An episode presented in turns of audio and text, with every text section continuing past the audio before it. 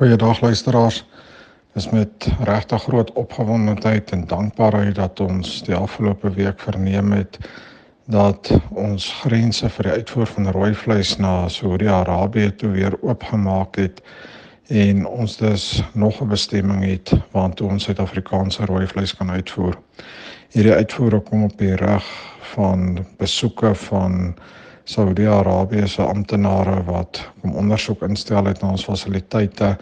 en toe op die ouente stempel van goedkeuring gegee het. In die Suid-Afrikaanse rooi vleismark is ons op die stadium op 'n bietjie moeilike plek gegee prys en voerkoste ensovoorts en dit bly moeilik om om kop bo water te hou. Ek dink enige uitvoermark wat vir ons oopmaak vir alle mark waar ons bietjie premies kan verdien,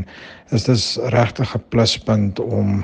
van die ek wil amper sê oorskotvleis in die binnelandse mark uit te vat en dalk so die binnelandse prys weer bietjie op te tel.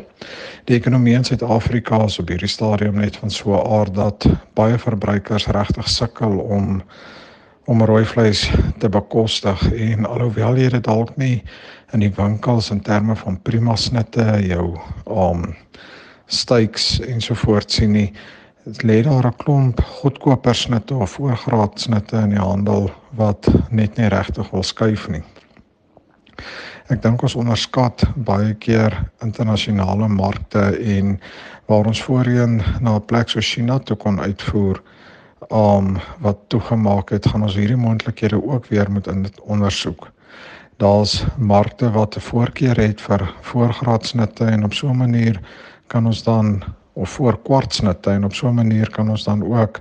weer ontslaa raak van daai oorskot in ons mark. Ons hoop is nog steeds dat ons grense ook sal oopmaak na Europa en Brittanje en dat ons markte waar ons ons in euros en ponde en dollars kan verdien um met daai markte kan handel dryf en so dis regtig 'n premie op ons produk kan kry. Die grootste kopseer in die Suid-Afrikaanse rooi vleisbedryf bly egter steeds die gesondheidskwessie en ons almal hoop regtig vir die dag wat ons ons uitvoerstatus na hierdie lande sal terugkry en al ons dit gaan regkry is met 'n goeie naspeurbaarheidstelsel in Suid-Afrika sodat ons enige toekomstige uitbrake van iets soos back and closure die hoof kan bied.